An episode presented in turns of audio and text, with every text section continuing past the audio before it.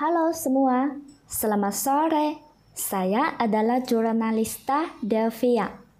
Judul berita kita hari ini adalah tempat wisata Desa Bali di Tiongkok. Desa Bali? Anda sudah pernah dengar nama ini? Nah, silakan mengikuti Delvia dan melihat-lihat Desa Bali bersama.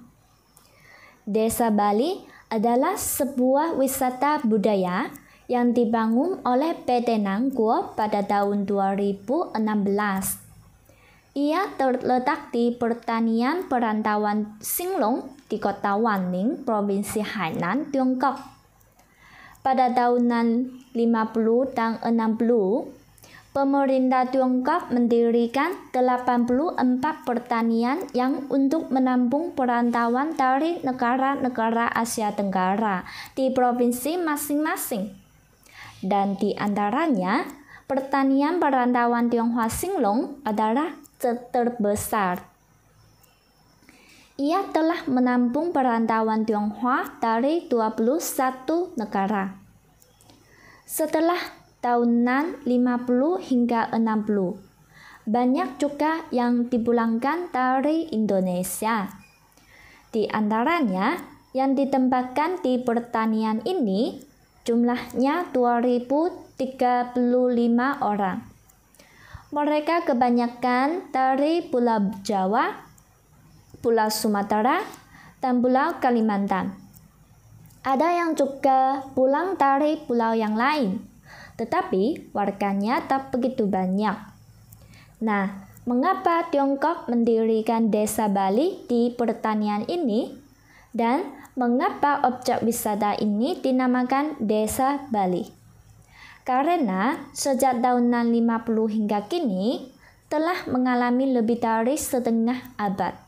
Agar supaya budaya Indonesia di pertanian ini bisa lestari dan juga agar supaya budaya pertanian perantauan Tionghoa Singlong dapat diwariskan. Juga karena perantauan dari Indonesia mereka sangat rindu kepada Pulau Bali. Maka mereka di pertanian ini mendirikan desa Bali. Karena Pulau Bali adalah salah satu pulau pariwisata yang terkenal di dunia. Maka mereka memakai namanya. Jadi, di desa Bali ada apa ya? Saya akan membawa kalian melihat-lihat.